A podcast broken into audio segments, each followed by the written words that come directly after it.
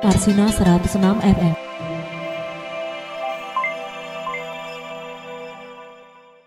Ya, halo sahabat Marsina. Jumpa lagi bersama saya, Dian Septi Trisnanti, dalam sebuah program siaran Ceritaku. Ceritaku adalah sebuah program yang berkisah tentang kisah perempuan dan perempuan buruh yang bisa kamu dengarkan di podcast Buruh Perempuan Marsina FM, di Spotify dan aplikasi musik kesayangan kamu, sehingga kamu bisa dengarkan kapan pun. Ya, telah hadir bersama saya, Ita F. Nadia. Mbak Ita F. Nadia ini adalah seorang aktivis perempuan yang pada Mei 1998 menjadi ketua tim relawan untuk kemanusiaan tragedi Mei 1998. Ada banyak pengalaman menyakitkan yang didengarkan, itu tidak mudah dan untuk memperjuangkannya butuh keberanian. Mbak Ita berhasil melaluinya dan itu adalah pengalaman yang sangat menarik untuk kita dengarkan dan menjadi inspirasi bagi kita semua. Ya, eh, kepada Mbak Ita F. Nadia, saya persilahkan ruang dan waktu untuk bercerita. Karsina FM. Oh, baik. Baik, terima kasih Dian. Jadi yang pertama kali adalah ketika itu pada tahun 1998 bulan Mei, saya ketika itu sebagai Direktur Kaliana Mitra, Yayasan Kaliana Mitra yang bergerak di isu perempuan, khususnya isu kekerasan terhadap perempuan. Nah, awalnya adalah sebetulnya eh, ya, Kaliana Mitra atau saya sebagai Direktur Kaliana Mitra bergabung dengan tim relawan untuk kemanusiaan yang diketuai oleh waktu itu Pak Romo Sandiawan, sekarang Pak Sandiawan Sumardi. Itu tempatnya di Arus, Jalan Arus di mana di eh, Jakarta Timur. Nah, tim relawan itu pada awalnya berdiri pada tahun 97 untuk 96 atau 97 untuk kasus uh, penyerangan kantor PDIP ya ketika itu. Nah, kantor PDIP diserang uh, dan terjadilah juga penangkapan-penangkapan terhadap sejumlah mahasiswa termasuk mereka yang berafiliasi atau di apa anggota dari Partai Rakyat Demo eh, apa PRD. Nah, ketika itu tim relawan saya bergabung di sana. Pertama adalah sebetulnya uh, untuk mencari korban-korban dari penyerangan uh, waktu itu namanya kasusnya Kuda Tuli yaitu penyerangan kantor PDIP di jalan uh, Diponegoro ya eh di jalan ya Diponegoro itu. Nah, saya ber, saya bergabung dengan tim relawan kemanusiaan untuk mencari para korban yang jumlahnya cukup banyak. Selain korban, Kaliana Mitra juga waktu itu bergabung dengan tim relawan Kaliana Mitra sebagai organisasi ketika itu bergabung dengan tim relawan untuk uh, mendukung para ibu yang anak-anaknya ditangkap. Jadi uh, ibu-ibunya PRD itu mereka kan kocar-kacir ke mana-mana nih anak-anak muda nih yang nakal-nakal itu. Nah ibu-ibunya kan bingung nih. Jadi kami me, me, me, apa, me, mengorganisir mereka, kami mendampingi mereka, dan juga eh, Kalyana Mitra juga menjadi semacam eh, pusat untuk dokumentasi ketika itu. Tetapi waktu itu kan zaman Orde Baru, Presiden Soeharto masih ada. Jadi kami sangat bergerak di bawah tanah ya. Artinya tidak kelihatan. Jadi kami kami harus me, banyak me, mendukung juga para buruh. Para buruh yang berdemonstrasi itu itu juga lari, kalau lari itu pasti mampir dulu ke Kaliana Mitra untuk ya mencari bantuan, mencari segala macam. Dan bahkan kami pernah ada seorang buruh perempuan dari Tangerang yang dikejar eh, dengan perut sudah hamil, dia bilang masih usia kehamilan 6 bulan, ternyata waktu dikejar-kejar tentara, melahirkan di kantor Kaliana Mitra. Jadi kami harus mengurusi bayi juga, begitu ya. Nah itu awalnya dari tahun 96, 97 ya. Kemudian itu kan bergulir 96, 97 demo, demonstrasi, demonstrasi. Demonstrasi-demonstrasi ini kemudian membawa pada tahun 97 itu juga demonstrasi mahasiswa dan demonstrasi buruh. Kami mulai dengan membuka juga dapur umum di Kaliana Mitra. dapur umum ini fungsinya adalah untuk memberikan bantuan kepada uh, mereka yang berdemonstrasi. Waktu itu hanya makan siang sama uh, air putih begitu ya, kami sebar. Selain itu, pada tahun 97 terjadi krisis ekonomi yang luar biasa. Dan itu puru-puru di PHK, semuanya di PHK, di, di PHK. Banyak sekali orang menganggur, tidak bisa makan. Maka kami tim relawan, kemar, eh, belum ada tim relawan, waktu itu masih masih ya, tim, eh, tim relawan sudah ada, tapi Kaliana Mitra kemudian mendirikan yang namanya Koperasi Solidaritas. Koperasi Solidaritas itu terdiri dari tiga ribuan buruh menjadi anggota kami. Itu terdiri dari YLBHI, LBH APIK, kemudian Solidaritas Perempuan.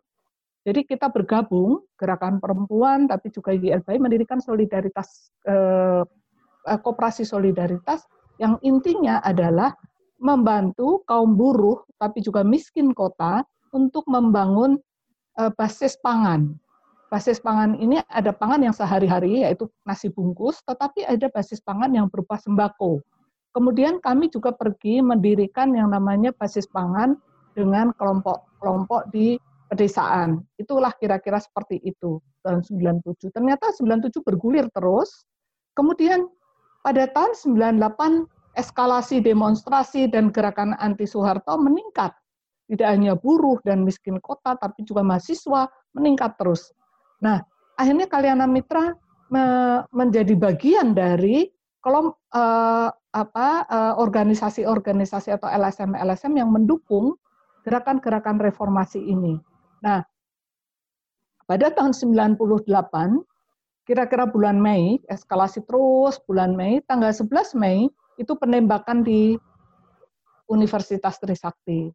Nah, di Universitas Trisakti 11 Mei, 12 Mei, kami pergi untuk menguburkan para mahasiswa yang menjadi korban penembakan di Trisakti.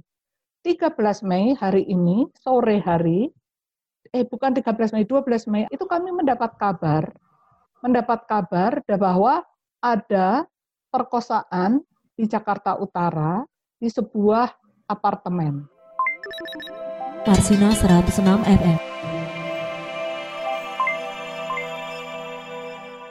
12 Mei ada pemerkosaan di Jakarta Utara di sebuah apartemen. Kami sedang berpikir bagaimana ke sana karena jalan-jalan tertutup dan demo. Ternyata kami mendapat kabar lagi bahwa ada pemerkosaan di wilayah Glodok. Ada pen, jadi waktu itu tidak hanya pemerkosaan tapi penjarahan. Jadi masa masa ya masa masa yang begitu brutal menjarah toko-toko tetapi juga menjarah rumah-rumah uh, warga Tionghoa dan uh, waktu itu kami mendapatkan kabar lagi sekitar maghrib begitu bahwa ada perkosaan di daerah Gelodok. Kemudian malam lagi belum sampai satu jam kami mendapat berita lagi ada perkosaan di daerah apa uh, ini uh, jembatan tiga jembatan lima itu di bawahnya itu yang menuju ke jalan yang di bawah tol itu mulai itu mulai dengan seluruh apa uh, penjarahan. Jadi penjarahan diikuti dengan pemerkosaan begitu. Jadi itu hari pertama. Kami bingung bagaimana ini harus harus harus dijawab.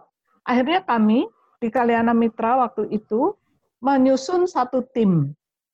Adanya tim adalah kemudian kami membentuk tim kecil yaitu tim yang mendatangi uh, informa apakah betul informasi perkosaan ini. Kemudian tim itu dibentuk dengan ketuanya saya, kemudian tim investigasinya itu adalah Mbak Yuyut, Mbak Ruth India Rahayu itu tim investigasi dibantu dengan tim dengan beberapa orang. Kemudian ada tim lagi yang itu mencatat seperti itu. Akhirnya malam itu tim pergi ke eh, Jakarta Utara untuk melihat apa yang terjadi. Kemudian saya pergi ke daerah Glodok. Saya waktu itu naik naik ojek ya, belum ada gojek, naik ojek itu saya sewa motor. Malam-malam begitu kami naik semuanya. Dan waktu itu 98 belum ada handphone, belum ada apa-apa. Jadi kami hanya hanya apa? Hanya mengandalkan dari laporan-laporan. Dan ada teman yang pergi ke jembatan tiga. Saya ke Glodok. Jadi kami dibagi tiga wilayah. Sampai di Glodok, saya tidak bisa masuk. Tetapi saya kemudian dijemput oleh satu orang eh, bapak-bapak Tionghoa yang tahu betul tentang kejadian itu. Jadi saya masuk ke wilayah di mana terjadinya keperkosaan itu dan saya menyaksikan sendiri perkosaan uh, korbannya. Tapi saya masih bingung, ini mau diapakan gitu ya. Saya hanya insting saja waktu itu adalah oke, okay, sekarang di, dibantu, diselamatkan dengan ditempatkan di tempat rumah amak, tempat yang aman sehingga dia tidak menjadi korban lagi atau diperlakukan perkosaan lagi. Nah, eh, saya kembali ke kantor ke waktu itu di Jalan Kaca Jendela di Pasar Minggu. Uh, Yuyu juga kembali, teman yang satu lagi juga kembali dan kami mengatakan bahwa memang terjadi perkosaan. Nah, malam itu saya eh, besoknya saya berkoordinasi dengan Pak Sandiawan sebagai ketua TRK. Kemudian diputuskanlah membuat tim relawan eh, kemanusiaan untuk kekerasan terhadap perempuan. Itu TRKP, Tim Relawan Kemanusiaan untuk Kekerasan Terhadap Perempuan. Dan mereka menunjuk saya sebagai koordinatornya. Sejak saat itu, mulai tanggal 14 Mei, maka dibukalah hotline, hotline dengan Kaliana Mitra sebagai pusat hotline-nya. Jadi tim relawan kemanusiaan itu ada di Jalan Arus, tim relawan untuk kemanusiaan untuk kekerasan terhadap perempuan ada di kantor Kaliana Mitra. Nah, TR namanya TRKP. Kami membuka hotline. Hotline itu adalah untuk menerima uh, informasi. Hotline dibuka tanggal sekitar tanggal 14 Mei. Ternyata dalam satu hari kami sudah banyak sekali mendapatkan apa uh, informasi-informasi atau uh, aduan bahwa di sana ada peng, apa, penjarahan dan di sana ada pemerkosaan. Nah, uh, 106 FM. Sekitar tangga, uh, eskalasi pemerkosaan itu paling banyak terjadi adalah di sekitar tanggal 14 sampai tanggal sebelum Soeharto jatuh. Jadi itu sekitar sampai tanggal 19 Mei itu terjadi pemerkosaan yang luar biasa saya agak lupa karena sebetulnya saya mengalami trauma juga ya. Karena saya belum pernah melihat satu perkosaan yang dilakukan dengan menggunakan alat dan itu menganiaya atau merusak seksualitas perempuan atau organ tubuh perempuan. Sehingga saya sendiri juga mengalami apa trauma. Nah, waktu dibentuk TRKP ini maka dibentuk hotline dan dan kemudian kami mendapatkan eh, Eh, bantuan dari para relawan yang cukup besar.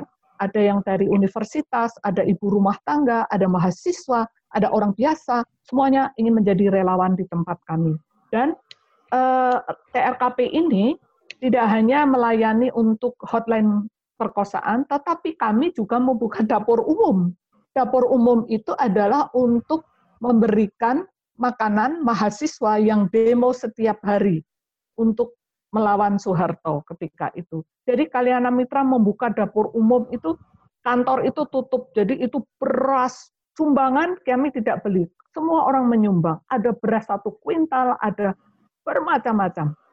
Nah, eh, kami dibantu oleh bapak-bapak yang memasak, itu bapak-bapak bekas tapol, itu datang, Bu, saya mau membantu. Baik, ada ibu-ibu bekas tapol, ada ibu rumah tangga, ada ibu warga, semuanya datang ke kantor kalian. Kantor kalian Mitra itu menjadi semacam dapur umum, menjadi apa tempat orang berkumpul begitu. Tetapi kami punya punya satu wilayah sendiri khusus untuk perkosaan ini. Nah, kembali kepada perkosaan, jadi di bawah itu adalah dapur umum untuk mahasiswa, makan, di atas itu untuk uh, apa informasi dokumentasi tentang perkosaan. Nah, itu 14 Mei. Uh, berlanjut pada saya lupa tanggalnya, tetapi pada suatu sore saya di, diminta begini, Bu Ita saya mau Bu Ita harus datang sendiri ke uh, mana ke ke perempatan Trisakti itu, perempatan apa itu? Pokoknya dekat depan apa? depan Universitas Trisakti. Itu di sana ada perkosaan dan ada apa pelecehan seksual. Nah, tapi harus Bu Ita sendiri yang datang. Akhirnya saya berangkat, berangkat dengan motor dan eh, waktu di sana saya mendapati ada dua orang perempuan mahasiswa yang ditutupi dengan plastik hitam. Dengan plastik hitam yang sudah berdarah-darah. Eh, saya ketika itu saya tidak tahu apa yang terjadi. Tapi saya saya merasa bahwa itu sekitar tanggal 17 18 saya lupa tepatnya ya. Tapi saya ingat betul bahwa itu itu benar-benar yang saya nggak tahu apa yang terjadi. Saya buka plastiknya, ternyata uh, uh, mahasiswa itu dua anak dua remaja dua mahasiswa itu mahasiswi itu puting payudaranya dipotong, jadi digunting gitu ya di ujungnya ini putingnya itu digunting. Saya sempat mundur dan sempat kaget karena darah banyak sekali. Saya hanya minta uh, betadin segera dibelikan betadin untuk karena banyak sekali darah betadin. Kemudian yang satunya lagi itu saya mendapati bahwa vaginanya itu ada di, dimasukin lubang vaginanya dimasukin apa bekas zaman dulu kan kalau potret itu ada apa filmnya ya film apa film itu loh apa itu roll film ya ada roll film itu dimasukin di lubang vagina. Uh, saya saya saya benar-benar shock dan benar-benar tidak tahu apa yang harus saya lakukan tapi saya hanya memberikan petadin memberikan semuanya terus ada seorang pastor yang membantu di situ dia bilang kayaknya ini harus segera dibawa ke rumah sakit begitu. terus saya bilang e, ya memang harus dibawa ke rumah sakit. Nah, kebetulan ada dokter yang me, e, yang segera datang karena sudah dipanggil dan dokter itu yang mencopot apa kelongsongan roll film itu dari vagina itu dan darah memang banyak sekali dan ditampon pakai betadine. Malam itu kami mendapat kabar katanya uh, ada pesawat Singapore Airlines di Cengkareng yang sudah siap mengangkut korban. Saya tidak berpikir apa-apa, saya hanya berpikir dengan dengan dengan seorang Romo dan dan dengan seorang dengan empat orang bapak-bapak dan satu ibu Tionghoa. Saya berpikir begini, mari kita bawa ke Tengkareng karena ini ini kayaknya harus diselamatkan. Marsina FM. Nah, yang saya kaget ketika saya dari Mangga Besar uh, itu itu wilayah Mangga Besar kita bawa anak itu menuju Cengkareng itu itu saya kaget setengah mati karena begitu masuk ke tol Cengkareng itu penuh orang. Orang itu lalu lalang dan orang sembarangan begitu ya. Dan uh, banyak mobil-mobil yang yang bagus ditinggal, terus orang lari-lari begitu, terus ada orang yang mengejar.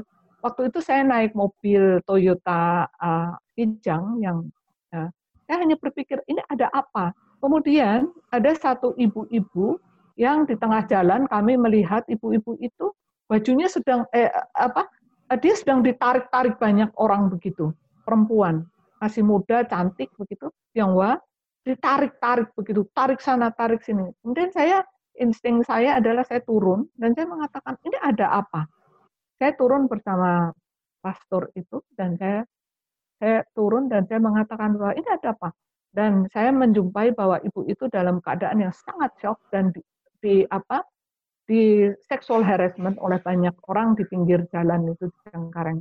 Ibu itu kemudian uh, ikut pada kami dan kami langsung cepat pergi ke karena karena membawa orang yang luka langsung kami serahkan ke apa maskapai penerbangan Singapore Airlines untuk dibawa ke Singapura. Dan waktu itu memang pesawat Singapore Airlines tidak menanyakan paspor, tidak menanyakan apa, uh, apa tiket, pokoknya masuk saja dan itu ternyata banyak sekali. Saya kaget. Pulang dari Cengkareng, pulang dari Cengkareng saya saya kaget sekali karena uh, keadaan sudah rusuh begitu ya, rusuh sekali di mana pernah penjarahan. Baru masuk ke kantor Kaliana Mitra, saya sudah diminta untuk pergi ke Cengkareng, ke kota ke wilayah Cengkareng. Dan di sana saya eh, eh, dibawa ke rumah seorang haji, yang haji itu membawa dua perempuan yang diperkosa di depan Mall Cengkareng. Di di Mall Cengkareng itu ada kayak kayak kayak apa ya kayak kayak kayak taman begitu atau kayak alun-alun kecil begitu. Nah di situlah diperkosa dan ditolong oleh seorang haji yang waktu itu dia sedang ngojek gitu. Dan apa yang terjadi adalah yang ditolong baru satu, yang satunya lagi belum ketolong. Jadi saya diajak sama Pak Haji itu untuk mencari yang satu. Jadi kami mencari keliling-keliling ke Cengkareng. Ternyata eh, perempuan Tionghoa yang yang di Cengkareng itu yang satunya yang diperkosa itu diselamatkan oleh seorang pemulung itu. Oleh seorang pemulung. Nah, kami kami ambil kemudian kami bawa dengan motor bertiga untuk dibawa ke rumah Pak Haji itu. Kebetulan Pak Haji ini tukang pinter ngobati. Jadi dia bilang begini, Bu, sudah saya saya apa? Saya saya apa? Saya saya rawat. Nanti Ibu beberapa hari lagi datang untuk mengambilnya. Baik, Pak. Nah, eh, keadaan sangat kacau sekali. Jadi telepon di Kalyana Mitra itu berdering terus. Di sana ada perkosaan, di sana ada perkosaan. Eh, kami sampai sampai tidak tahu waktu itu sampai memang kewalahan. Saya tidak pernah hampir tidak pernah pulang ke rumah kerja di, hanya di kantor dari jalan ke jalan. Tapi yang menjadi apa yang kemudian pada suatu hari saya harus pergi ke Tangerang lagi di sebuah komunitas Tionghoa yang miskin. Dia eh, eh, apa bapaknya adalah peternak babi dan apa uh, ada ada sebagai apa mont, apa tambal ban itu Tionghoa yang miskin. Nah, waktu sampai saya di sana, ternyata ibunya sudah meninggal. Ibunya itu dianiaya, diperkosa dan dianiaya dan sudah meninggal. Uh, kedua anaknya perempuan, yang kecil namanya Francisca, yang besar namanya saya lupa itu namanya siapa itu, yang besar ini ini sudah dalam keadaan kritis karena eh, apa perdarahan hebat karena perkosaan dengan menggunakan alat ya jadi vaginanya dimasukin alat gitu. Nah eh, eh, waktu saya waktu saya datang di rumah sakit itu saya masih bertemu dengan Francisca ini. Nah, Francisca ini umurnya masih 11 tahun dan dia dalam keadaan memang sangat dalam keadaan kritis karena perdarahan tidak dan ada transfusi. Tapi dokter bilang kalau bisa melewati ini akan lewat.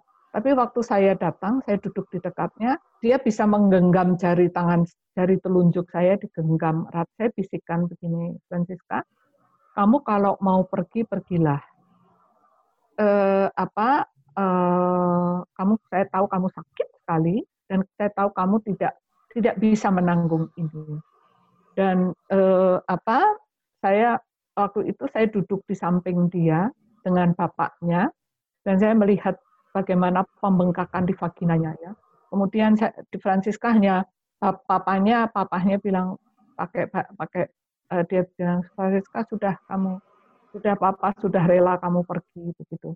Jadi saya kemudian saya mengundang pendeta untuk membacakan doa Kemudian eh, saya juga berbisik di samping Francisca. Francisca dengan air matanya, saya masih ingat betul itu tanggal di, eh, tanggal 17 Mei. Dia menggenggam erat tangan saya dan kira-kira jam 11 11 11.30-an gitu dia meninggal dunia. Dan waktu meninggal tuh tangannya masih tangan saya masih digenggam. Jadi saya itu yang membuat trauma saya yang saya tidak bisa Artinya terus menerus ya menghantui hidup saya gitu. Nah itu Francisca. Jadi uh, dan saya lihat betul bagaimana masa meng menghajar keluarga ini ya. Dan bagaimana mereka memporak perandakan. Padahal itu adalah keluarga Tionghoa miskin. Uh, ya hidup dari ternak babi sedikit dari dari apa ada apa bengkel kayak begitu. Sesudah itu ya masih ada satu adiknya. Jadi ibunya, kakaknya, dan Francisca meninggal semua. Dan dibakar di Cilincing sana. Itu tanggal pas ketika Soeharto jatuh. Jadi saya nggak bisa menghadiri karena saya masuk di istana, eh, di mana gedung MPR, DPR demo besar-besaran Soeharto lengser itu. Radio Buruh Perempuan Arsina 106 FM.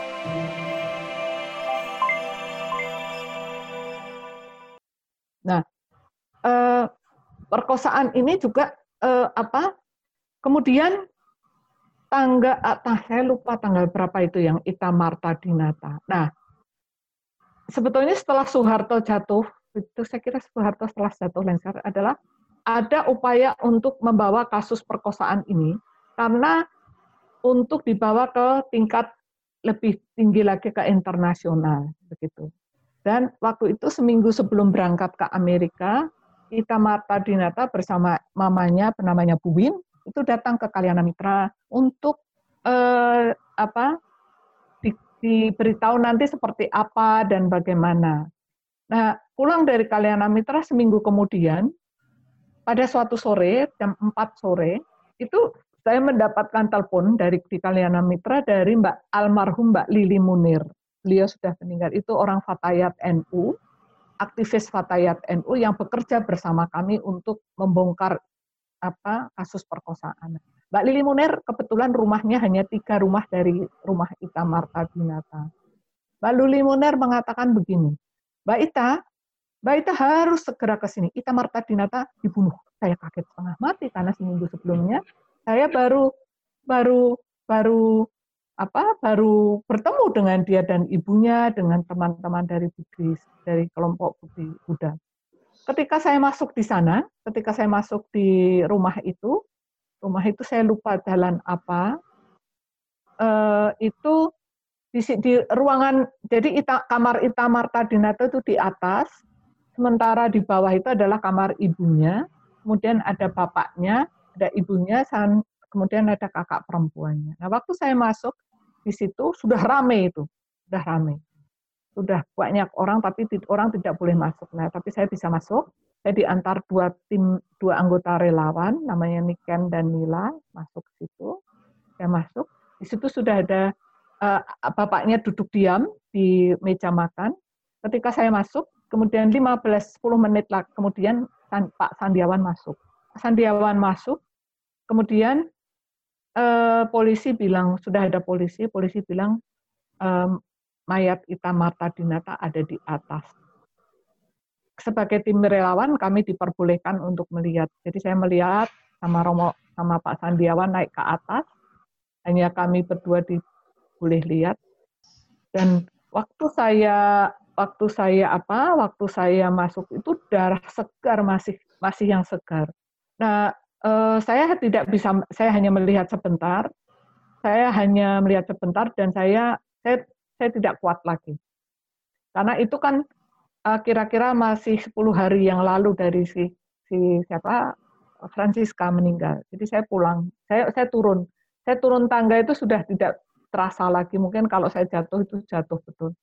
Tapi saya ingat betul bagaimana Francisca eh, bagaimana Ita Marta Dinata dibunuh.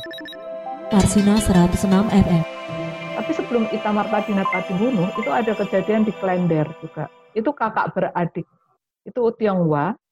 Nah, kakak beradik ini, di Klender ini, ini diperkosa oleh, jadi dia apa, eh, di, eh, tokonya dijarah, kemudian naik ke atas orang-orang tuh tidak semua penjarahnya yang naik ke atas, tetapi hanya beberapa orang naik, kemudian menyeret dua anak perempuan ini dan kemudian memperkosanya.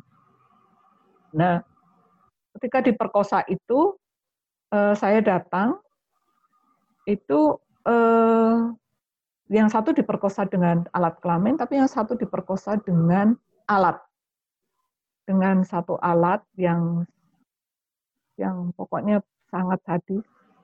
Jadi saya turun, saya saya saya mengatakan bahwa oke, okay, sekarang dibawa ke dokter.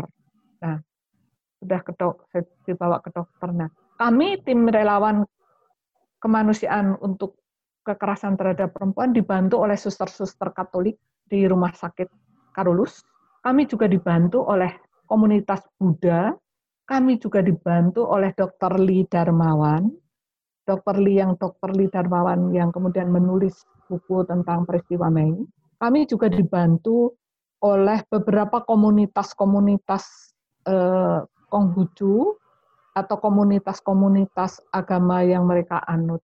Karena perkosaan ini hampir terjadi begitu hanya berapa hari selang berapa hari dan korbannya itu sangat banyak ya sangat banyak dan kami juga waktu itu belum ada ini kan apa krisis center atau apa jadi kami waktu itu bagian dokumentasi mendokumentasi 103 orang yang diperkosa pada itu dari 103 orang ini yang perkosaan dengan penganiayaan jadi di apa vaginanya itu dihancurkan itu 26 orang.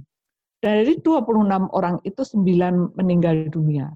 Kemudian pemerkosaan kemudian dibakar. Itu juga ada. Itu ada 9 orang semua meninggal.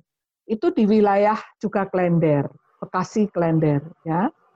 Kemudian pelecehan seksual itu 14 orang 14 orang ini satu meninggal yang pelecehan seksual ini karena mengalami depresi berat. Atau satu lagi yang tidak tercatat adalah perkosaan. Ketika perkosaan, kemudian diberi baygon oleh keluarganya karena keluarganya malu. Jadi keluarganya merasa eh, terhina dengan anaknya diperkosa itu. Jadi antara yang paling paling brutal perkosaan adalah dari tanggal 13 Mei sampai uh, sekitar 20 Mei ya, 20 20 20 Mei. Kemudian Ita Marta Dinata itu sesudah Soeharto jatuh itu. Nah, itu korbannya tadi 103 dan eh, apa? Itu hanya di Jakarta. Eh, di Jakarta ada 60 sekian, kemudian di Solo, kemudian di Palembang, kemudian di Surabaya. Nah, di Surabaya ini sesudah Soeharto jatuh dan kami sudah mulai tenang, eh, kelompok eh, kelompok perempuan di Surabaya eh, itu menemukan korban perkosaan jumlahnya saya kira hampir belasan orang, tapi ada kakak beradik yang diperkosa sebetulnya waktu penjarahan rumahnya dia sudah masuk ke lemari, lemari. Jadi neneknya itu punya lemari besar jadi seluruh anak-anaknya, eh, seluruh cucu-cucunya yang perempuan yang muda-muda ini oleh neneknya dimasukkan ke lemari, terus ditutup begitu. Tapi apa yang terjadi? Masa ini kemudian membongkar lemari itu dan memperkosa di depan neneknya. Dan neneknya jam siang diperkosa cucu-cucunya ini dua orang, sore malamnya kak neneknya meninggal dunia karena depresi berat sekali. Nah, ya dua cucu inilah yang kemudian uh, kami temui dan kami ya healing bersama. Nah, itulah kira-kira uh, gambaran bagaimana peristiwa Mei di mana mulai tanggal 13 ya 12 12 itu di Jakarta Utara, 12, 13, 14, 15, 16, 17 itu puncak-puncaknya menurun di tanggal 20, tanggal 21 Soeharto menyerahkan uh, kekuasaannya. Nah, kemudian setelah Soeharto lengser, baru kemudian uh, kasus Itamarta Dinata. Kira-kira seperti itu uh, perkosaan. Dan perkosaan ini, ini tidak tidak kita tidak tahu asal mulanya, gitu ya. Tiba-tiba 12 itu pe, pe, penguburan di tanah kusir, sorenya sudah ada perkosaan. Nah, ini dan kemudian demo-demo besar sekali jadi demo penembakan mahasiswa, penembakan di jalan-jalan, kemudian chaos itu itu yang juga jadi kemudian apa eh, masa yang me, menjarah itu. Jadi itu hampir simultan. Jadi ada demo, masa menjarah, kemudian kalau mahasiswa kan tidak, mahasiswa jelas itu, demonya mereka teratur, tapi masa-masa yang kita tidak tahu masa dari mana, kemudian mereka menjarah, kemudian mereka brutal, uh, ada perkosaan, itulah yang kita tidak kita tidak bisa apa kita tidak bayangkan ketika itu ya. Nah, tapi saya mau mengatakan bahwa perkosaan Mei ini ini adalah alat teror yang dilakukan oleh penguasa untuk membangun ketakutan massa, untuk membangun ketakutan besar yang dilakukan dengan cara pe, pe, apa, kekerasan seksual. Radio Buruh Perempuan Karsina 106 FM. Jadi kekerasan seksual sebagai alat teror oleh penguasa untuk me membangun ketakutan massa dan membangun ketakutan apa komunitas yang lebih orang itu ke, menjadi bingung takut. Dan pola-pola semacam ini ini terjadi ketika tahun 65 ya. Tahun 65 kemudian pada waktu pendudukan Jepang fasisme Jepang perang dunia kedua Jepang juga menggunakan pola-pola perusakan alat kelamin perempuan atau seksualitas perempuan agar masa atau rakyat itu takut. Nah, pola ini juga terjadi pada tahun 65. Kemudian pola ini juga dilakukan ketika ada konflik di Aceh. Di Aceh? Banyak perempuan Aceh yang diperkosa. Hanya untuk supaya para suami atau laki-laki, ayah atau uh, kakaknya yang menjadi uh, gerak anggota gerakan Aceh Merdeka merasa tersinggung, merasa terhina bahwa uh, keluarganya atau perempuannya karena perempuan itu adalah properti ya, itu diperlakukan uh, tidak adil atau di, di, di, mengalami penganiayaan. Dan penganiayaannya bukan dibunuh, kalau dibunuh sudah selesai. Tapi penganiayaannya melalui, yaitu melalui kekerasan seksual. Di Timor Leste juga begitu. Bahkan kalau di Timor Leste, kekerasan seksual tidak hanya dengan perkosaan atau dengan penghancuran menggunakan alat, tetapi lebih mereka menggunakan alat, yaitu dengan dimasukkannya uh, kawat listrik di vagina perempuan. Kemudian ditusuk, kemudian itu banyak sekali. Uh, uh, dokumentasi dari Komisi Perdamaian dan Keadilan di Timor Leste mencatat dokumen apa kasus-kasus itu. Saya waktu itu bersama dengan Elsam, Lembaga Studi Advokasi dan Masyarakat, juga bersama Ibu Ade almarhum melakukan proses apa ke, uh, apa pendokumentasian itu. Tapi juga perkosaan bisa menjadi alat untuk membungkam aktivis-aktivis perempuan yang progresif. Misalnya atau yang menuntut, misalnya Marsina.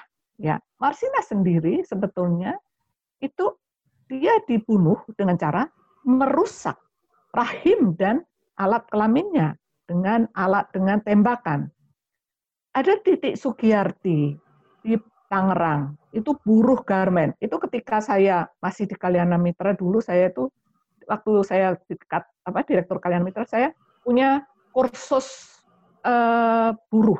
Jadi kami saya kami punya tim untuk memberikan kursus buruh tentang politik, tentang kekerasan terhadap perempuan, tapi sebetulnya lebih pada politik. Jadi buruh kita membangun apa itu seksualitas semacam itu. Nah, Titi Sugiyarti ini itu buruh garmen di Tangerang. Uh, dia mengalami menstruasi dan karena menstruasi kan sudah mendapatkan training dari kami, kursus dari kami.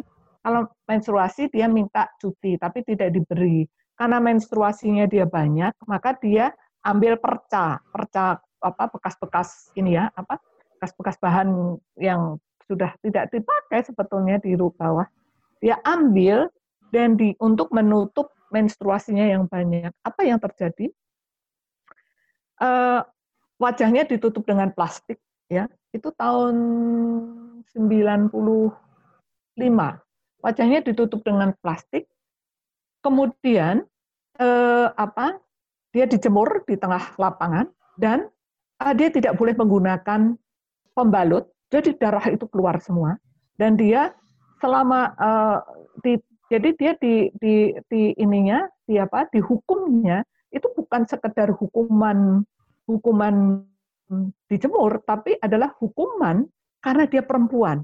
Kenapa? Karena dia sedang ham, apa menstruasi.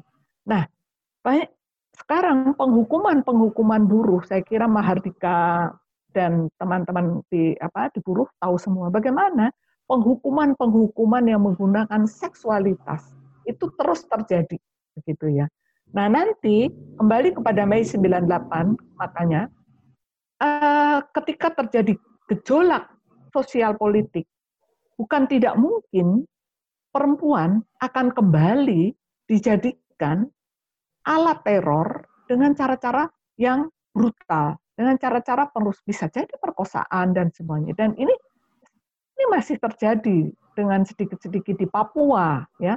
Di Papua masih terjadi, kemudian di kalau sekarang masih Papua, tapi uh, nanti uh, apa proses atau kekerasan seksual ini akan diulang, gitu, akan diulang. Saya percaya itu akan diulang karena sejarah kita sudah sudah menunjukkan uh, apa kecenderungan itu mulai dari tahun 45, 65, kemudian Aceh, Timor Leste, kemudian di Poso, kemudian kebetulan saya juga bekerja untuk Poso.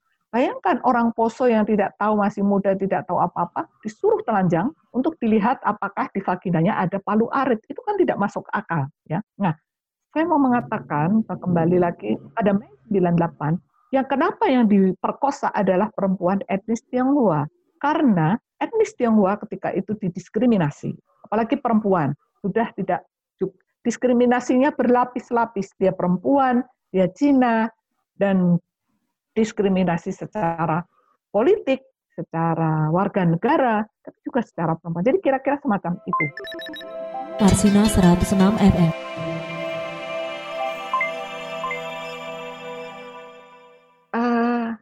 Merawat ingatan itu kan merawat memori. Dan merawat ingatan dan merawat memori itu adalah merawat sejarah. Merawat sejarah perempuan, sejarah perempuan yang selama ini tidak pernah dituliskan dengan benar, atau tidak pernah menjadi mainstream, atau tidak pernah dijadikan sejarah bangsa. Ini menjadi tanggung jawab kita semua.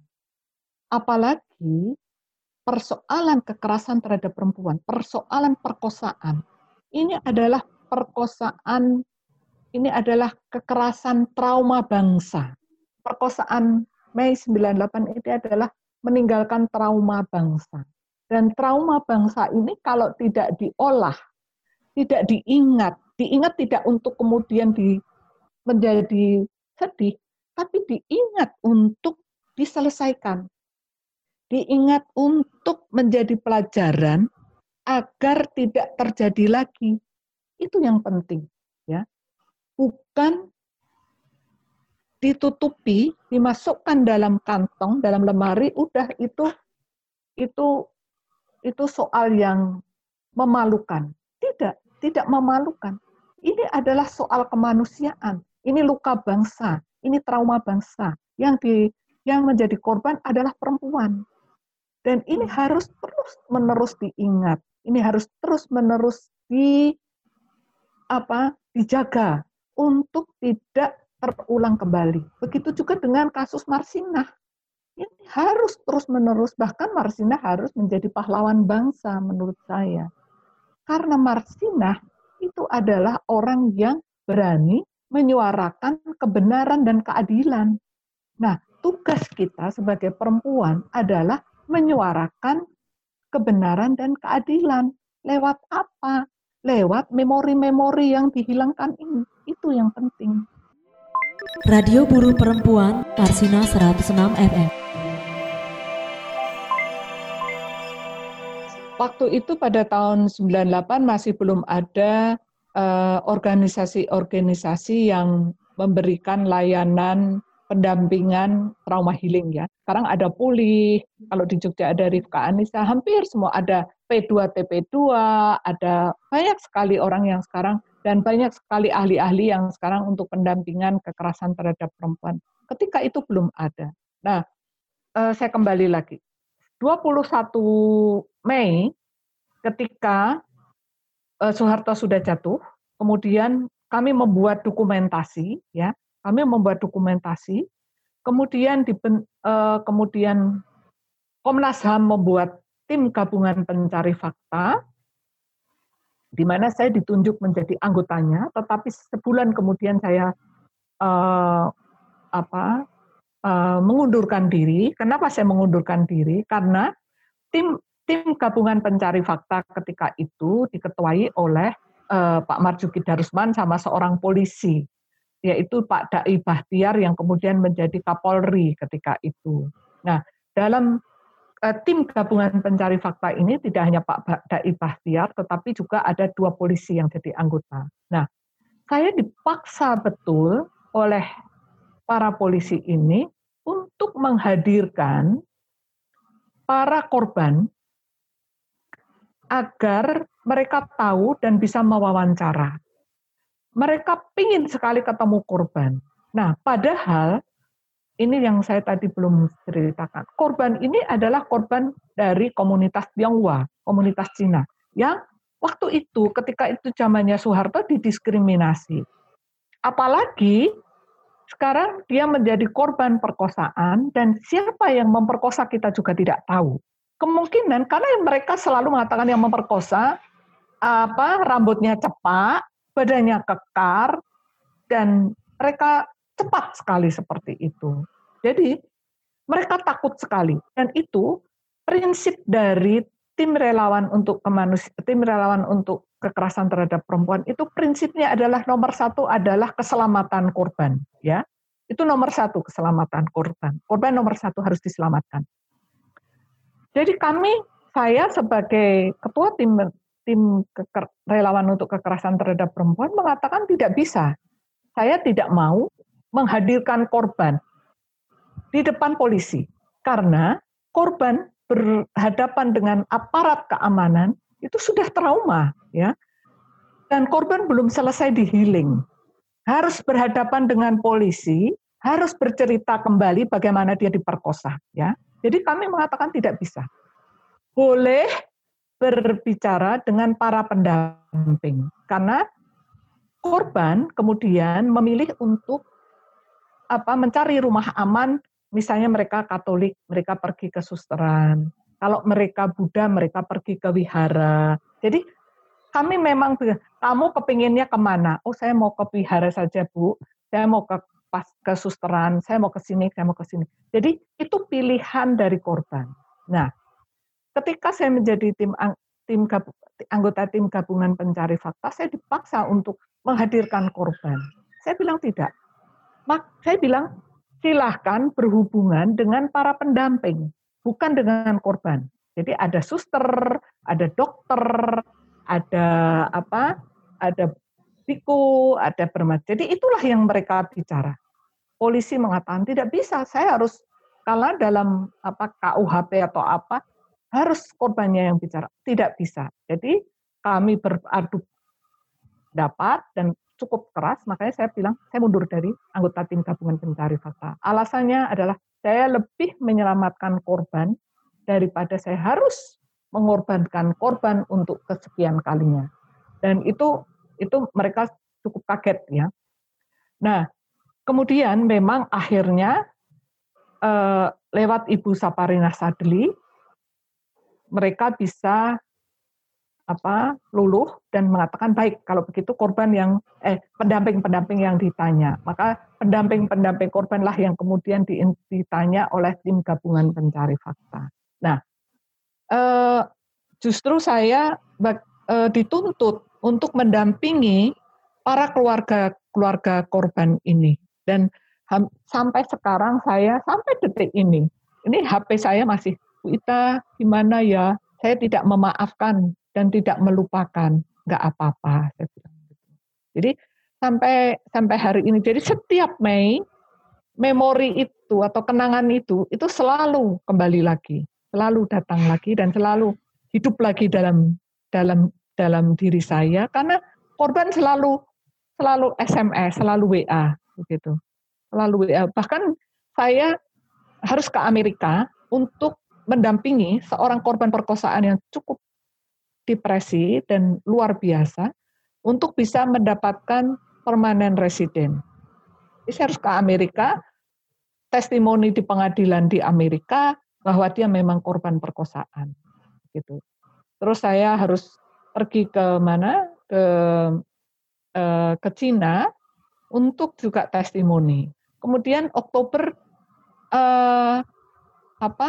Pendir, Komnas Perempuan berdiri. Nah, oh, mendirikan Komnas Perempuan itu itu juga eh, melewati satu proses panjang di mana selain saya selain kami semua itu kalau itu kan banyak. Jadi di tim relawan untuk kekerasan terhadap perempuan kita dibantu banyak sekali apa uh, teman-teman baik dari Universitas Indonesia, dari Atmajaya, ibu-ibu seperti Profesor seperti Ibu Saparina itu membantu sekali. Jadi kami membangun yang namanya masyarakat anti kekerasan. Nah, di dalam proses itu eh, kami kemudian Ibu Sab dan Ibu Meli mengatakan bahwa apa saya uh, kita harus melapor pada Presiden Habibie tentang perkosaan ini ya. Maka kami pergi melapor pada Presiden Habibie dan dan ketika itu waktu kami datang itu ada 11 orang perempuan nama-namanya nanti ada ada Mbak Kamala Chandra Kirana, Ibu Sab, Ibu Meli Getan, ada Semita Noto Susanto, ada, ada banyak ya, dari Ta, ada banyak. Dan di situ Presiden Habibie uh, kami menyerahkan dokumen tentang perkosaan itu, Presiden Habibie percaya. Percaya bahwa terjadi memang terjadi perkosaan. Dan karena keponakan dia, teman keponakan dia itu adalah korban perkosaan. Jadi Presiden Habibie bilang, saya percaya Ibu Sah. Saya duduk di situ, di, di Binagraha begitu. Saya percaya bahwa ada perkosaan. Karena ponak sahabat ponakan saya itu adalah korban. Dan detik itulah sebetulnya Presiden Habibie menyetujui pendirian Komnas Perempuan. Karsina 106 FM. Ketika saya membacakan karena karena yang membawa data semua adalah saya adalah saya ketika itu adalah saya diminta untuk bicara di di Binagraha itu untuk menjelaskan tentang kasus itu. Apa yang terjadi adalah saya dipanggil oleh Sintong Panjaitan Jenderal Sintong Panjaitan. Dia bilang, dia, dia, dia bilang, ibu jangan berbohong ya. Kalau ibu berbohong, taruhannya adalah nyawa atau penjara. Saya bilang pada Pak Sintong Panjaitan waktu itu, saya bilang, saya berani mempertaruhkan nyawa saya demi nama-nama korban ini. Dan saya berani mempertaruhkan hidup saya untuk dipenjara karena eh, nama-nama ini. Jadi uh, apa ya? Saya waktu itu benar-benar sudah sudah kepalang basah. Saya harus maju terus begitu. Nah, mm, waktu di di tempat Pak Habibie itu ada Pak ada ada Wiranto, ada Kapolri, semuanya ada. Dan Wiranto Wira, Pak Wiranto mengatakan begini, ini Ibu eh, apa yang dibawa itu itu benar. Saya bilang benar, saya bilang dan ada, Kapolri juga mengatakan kalau benar nanti ibu harus harus apa harus siap membuktikan siap saya bilang jadi jadi waktu di Binagraha itu ibu Sap dengan apa? Dengan ibu-ibu yang lain sedang duduk Mbak Nana Kamala lagi ngetek karena Pak Habibie minta apa kemudian surat apa pendirian Komnas Perempuan saya menghadapi Jenderal Wiranto menghadapi Sintong menghadapi Kapolri dan saya di itu dan di depannya Wiranto dan di depannya siapa? Pak Kapolri waktu itu siapa namanya?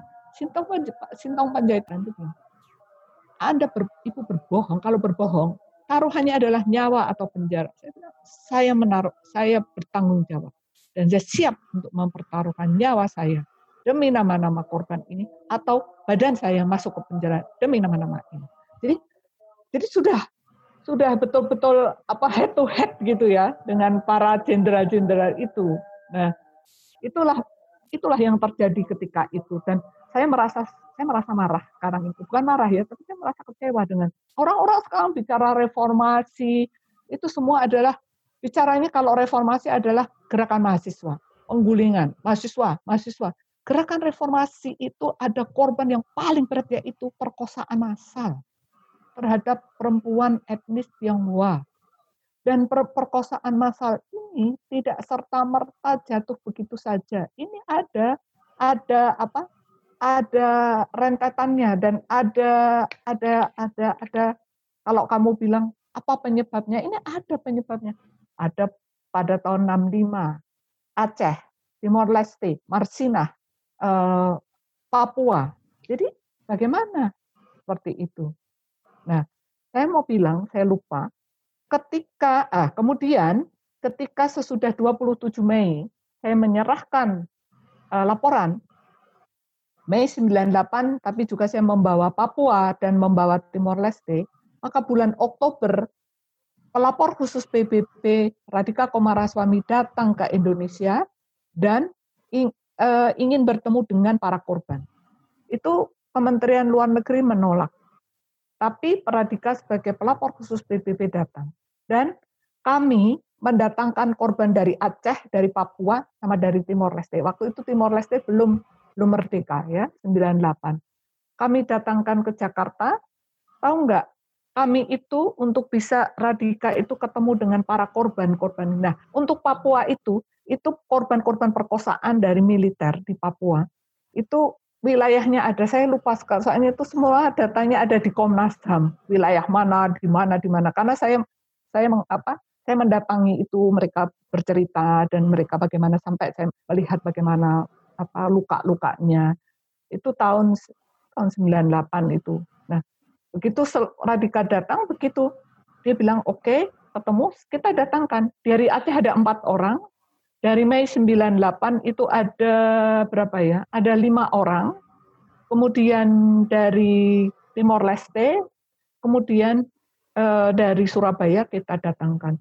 Untuk membawa korban-korban itu kita pakai mobil box ke sebuah hotel internasional, ya, agar bisa ketemu dengan dan mobil box itu harus lewat dapur, lewat belakang gitu dari hotel itu. Kami dibantu oleh dan saya bersyukur ya, kami itu sulit sekali waktu itu, tapi bantuannya banyak sekali.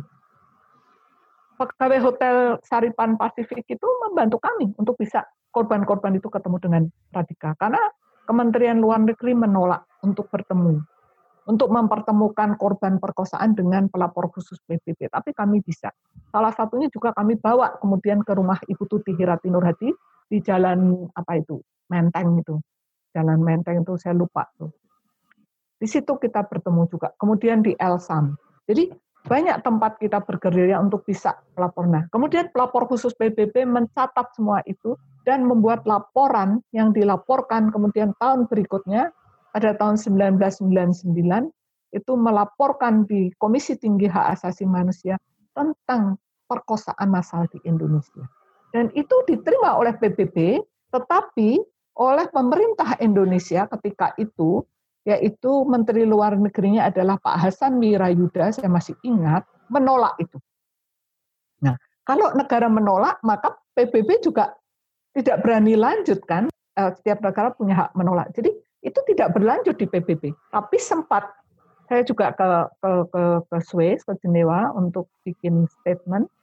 Sempat itu menjadi apa eh, menjadi isu yang terus dibicarakan di di Komisi Tinggi Hak Asasi Manusia ketika itu. Nah, tapi di Indonesia ditolak dan ditolak sampai sekarang. Bahkan sekarang ini eh, tiga tahun sekarang ini saya nggak nggak mendapatkan teror tiga empat tahun. Tapi sebelumnya setiap Mei saya dapat teror. Terornya adalah selalu dikatakan bahwa saya adalah apa eh, pengkhianat bangsa menjelekkan nama bangsa menjelekkan nama agama. Karena itu ya macam-macam. Jadi eh, ya sesudah sesudah lima tahun inilah saya sudah nggak dapat lagi begitu. Tapi dulu setiap Mei terus menerus dan koran yang selalu menolak perkosaan Mei itu adalah koran koran Republika. Selalu. Dan saya masih menyimpan apa clipping-clipping tentang tulisan-tulisan dari para ahli. Menolak dan uh, waktu itu ada Menteri Pemberdayaan Perempuannya adalah Ibu almarhum aduh saya lupa. Menteri Pemberdayaan Perempuan. Itu marah-marah pada saya. Dia bilang datang ke sini, tunjukkan korban. Saya bilang, kalau kamu mau tahu korban, datang ke Kaliana Mitra. Jadi kita berantem, saya sama menteri berantem, karena dia bilang, itu bohong. korban mana korbannya? Nah, terakhir beberapa waktu yang lalu saya diundang mau diminta oleh Kek Andy untuk bicara di Kek Andy dan diminta membawa korban. Saya bilang sama Kek Andy, tidak mau saya. Saya tidak mau membawa korban. Karena korban sampai kapan pun sudah bilang, saya tidak mau muncul sebagai korban Mei 98 Bu Ita. Saya mau meneruskan hidup saya. Saya ingin melupakan semua peristiwa yang terjadi, tapi saya tidak mau memaafkan. Jadi itu kan jelas keinginan korban kan. Jadi gitu Dian. Radio Buruh Perempuan Karsina 106 FM.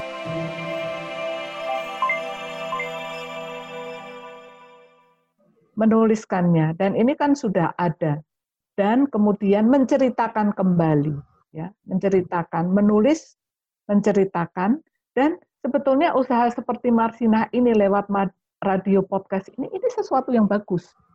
Uh, radio ini saya mengatakan recalling memory, memanggil kembali memori yang dihilangkan atau yang ditutup untuk dihadirkan kembali lewat radio, lewat TV, lewat tulisan, lewat catatan-catatan.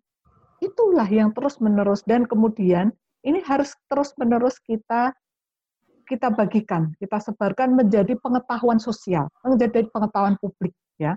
Saya sebetulnya dulu lewat Komnas Perempuan mendesak bahwa peristiwa Mei 98 harus ditulis dalam buku sejarah. Memorabilia yang dilakukan oleh Komnas Perempuan di makam Klender dibuat dulu diresmikan oleh Ahok itu itu juga penting untuk dilihat gitu loh, untuk terus-menerus diingat gitu. Nah, jadi sebetulnya upaya kalian dengan radio podcast ini kemudian ini adalah upaya untuk recalling memory, memanggil kembali ingatan-ingatan yang lama untuk dibagikan kepada generasi sekarang. Ini loh, ada seperti ini dulu Mei 98, seperti itu. Radio Buruh Perempuan Karsina 106 FM. Dari perempuan buruh untuk kesejahteraan dan kesetaraan.